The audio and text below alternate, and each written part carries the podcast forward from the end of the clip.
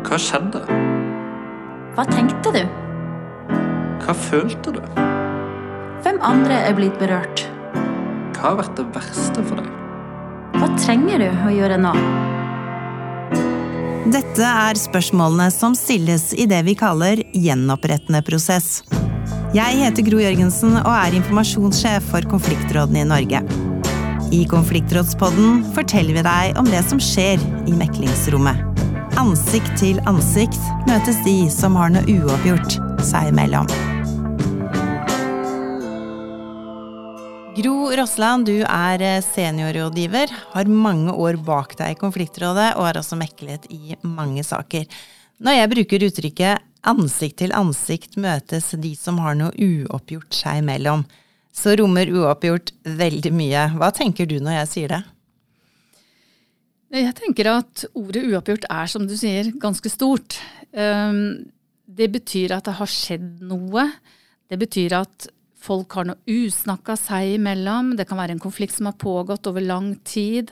Du kan ha blitt rammet av ulike lovbrudd, eksempelvis mobbing, vold, skadeverk, være seg hva som helst. Det er noe som har krenka deg, og du trenger å snakke med, med den som har gjort det. Da har du noe uoppgjort. Så snakker vi om gjenopprettende prosess, som forresten er et veldig vanskelig ord. Men hva er definisjonen av gjenopprettende prosess? Ja, Gjenopprettende prosess er som du sier, et ganske vanskelig ord å forstå dybden av. Eh, så la meg bare litt, gå litt tilbake den gangen vi begynte å bruke ordet gjenopprettende så oversatte vi det direkte fra engelsk. Og der bruker de restorative justice, restorative practices osv. Um, og det, det, betyr å gjøre godt igjen. Det betyr å reparere eller gjenopprette noe.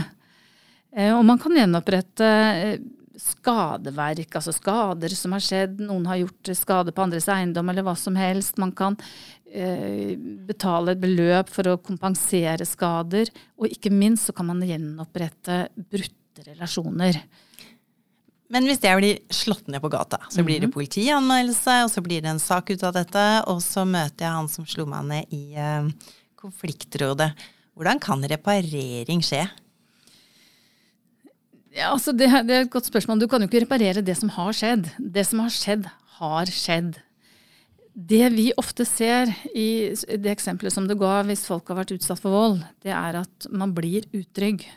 Noen går og ser seg over skuldra på, eh, fordi man ikke kjenner seg trygg ute i byen. Eh, og det man først og fremst da kan gjøre, er å på en måte gjenopprette og få tilbake tryggheten i livet sitt.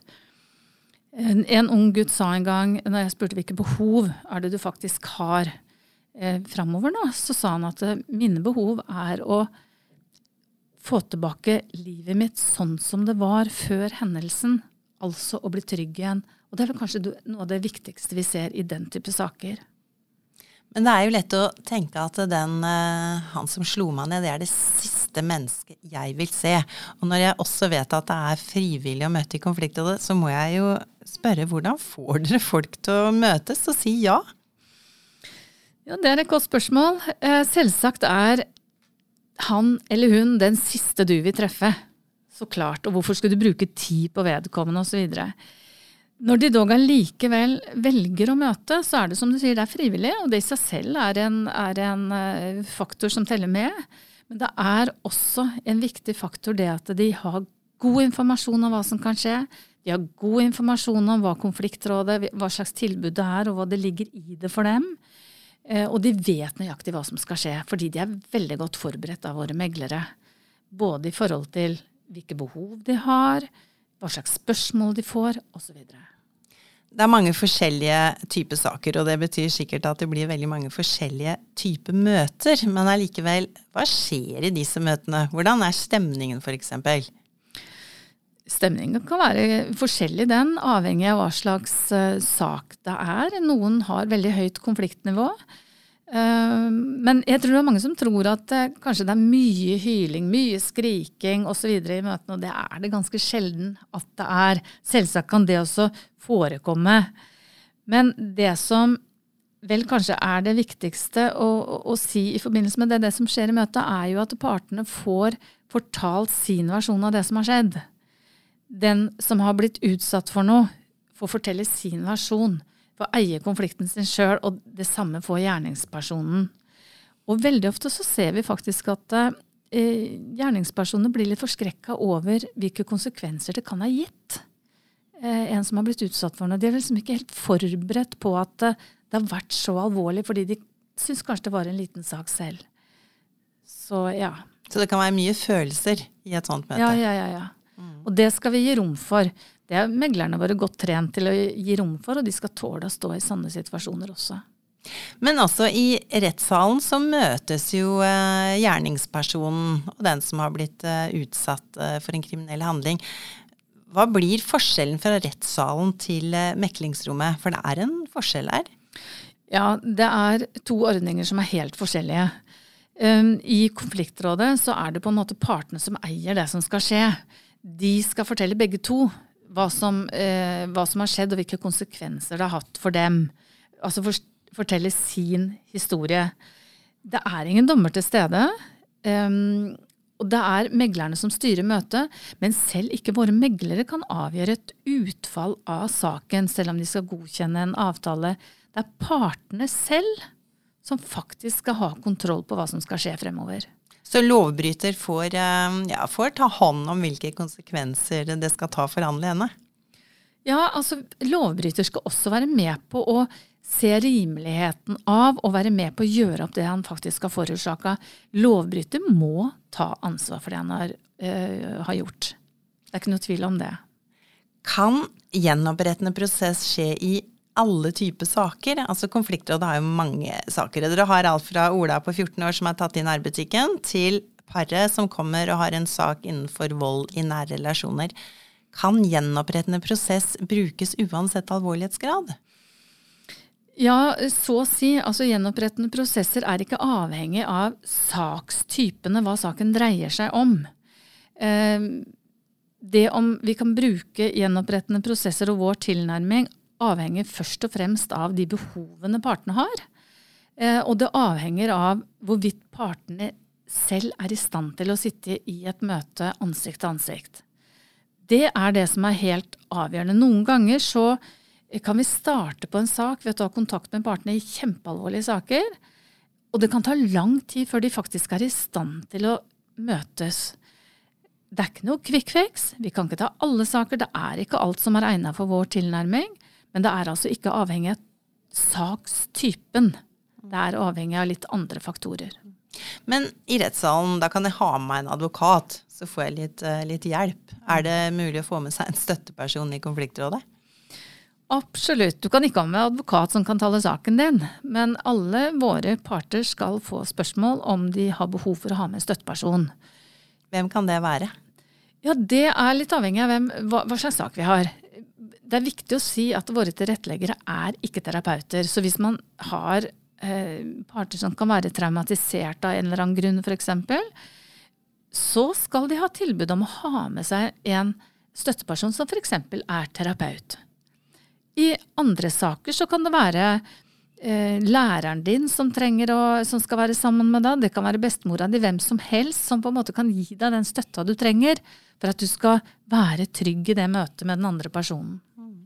Hvis vi holder oss til straffesaker, hvem har mest å hente på å få saken i konfliktrådet? Er det gjerningspersonen eller eh, den som har blitt utsatt for en kriminell handling? Det er et veldig godt spørsmål. Rent umiddelbart så kan det se ut som om, altså i hvert fall for dem som kjenner konfliktrådsordningen i seg selv, at det vil være gjerningspersonen som har mest å tjene. Fordi hvis man, hvis man eh, inngår en avtale og innfrir den, så vil det ikke komme noe anmerkning på en straffeattest. Når det er sagt, så vil jeg si at begge har mye å tjene på det å møte i konfliktrådet. For den som har blitt utsatt for noe sin del, så er det viktig å få sagt sin versjon av saken, bli respektert for opplevelsen man har hatt, og bli hørt og sett. For gjerningspersonens del så vil det være viktig å få rydda opp i det du faktisk har gjort. Det er ikke en god situasjon å gå og bære på at du har gjort noe gærent. Hvis f.eks. disse unge, unge menneskene våre har har gjort noe eh, eller har trøblete liv, så må de på en måte rydde opp litt i det som har skjedd, før de kan gå framover. Så derfor så har mitt, mitt svar på spørsmålet er at begge har mye å hente. Hvis du eh, er mekler i en eh, sak, og så har det vært et godt møte, og dere kommer til slutten, men så er det ingen som ber om unnskyldning, har møtet vært mislykka da? Nei, det mener jeg at det ikke nødvendigvis har. Dialogen i seg sjøl mellom partene er verdifull. Det er verdifullt å snakke sammen og se, hverandre, se hverandres situasjon. Det dreier seg mer om uh, en forsoning av det som har skjedd. Du må forsone deg med at ting har skjedd. Og det kan, denne, kan dette møtet være med på. Det er ingen som kan forvente av noen av partene at de skal tilgi hverandre, f.eks. Så det er litt avhengig av hva, hva mener man med unnskyld, og hvor ektefølt er det. Hvis ikke det er ektefølt, så skal man ikke heller forvente at det kan gis. Unnskyldning eller ikke, ofte så ender møtene i konfliktrådet med avtaler. Går det an å snakke om den perfekte avtale, og i så fall hvordan ser den ut? Nei, jeg syns ikke det går an. Eh, og det har sammenheng med at eh, det som er riktig for meg, er kanskje ikke riktig for deg, og omvendt. Vi er forskjellig skrudd sammen, og vi har forskjellige behov. Sånn at svaret, eh, sett fra mitt ståsted, er at den perfekte avtalen er den som ivaretar begge partenes behov, og som begge partene er fornøyd med og kan leve videre med. Disse spørsmålene, disse gjenopprettende spørsmålene, hvorfor virker de så godt? Er de sånn magiske? Nei, de er, de er hverdagslige, tror jeg kanskje at svaret er. Eh, kjenner, alle de som har hørt eh, innledningen her, de spørsmålene som ble lest opp, vil antagelig kjenne det igjen når de selv er med på en konfliktløsning. Altså, man kan tenke seg ting som skjer i hjemmet, man kan tenke seg ting som skjer på arbeidsplassen, man har konflikt med en kollega eller hva som helst. Så spør man jo hva hva som skjedde her, da? Og hva må vi gjøre for å komme videre? og Vi kan ikke ha det sånn i fremtiden. Sånn at det ligger, jeg tror, det, jeg tror den måten å stille et spørsmål på ligger litt sånn naturlig i de fleste av oss. Når konfliktrådet bruker det, så er det satt mye mer i system. Og det er sånn at det skal være mye mer forutsigbart, og at det skal være med på å drive en prosess mellom partene videre. Så til slutt, Gro Rossland, betyr det at du gir en liten oppfordring om at gjenopprettende prosess, det kan veldig gjerne brukes i hverdagen? Ja, i hvert fall de spørsmålene som vi har introdusert her. Eh, og vi, vi, finner det helt sikkert naturlig alle sammen. Og jo mer vi klarer å snakke sammen om de, de tingene som er vanskelige, uten at offentlige instanser i seg selv er involvert, jo bedre. Takk skal du ha. Og hvis du som eh, lytter følger med videre i Konfliktrådspodden, så vil du få innblikk i ulike saker som Konfliktrådet har hatt, og hvor nettopp gjenopprettende prosess er brukt.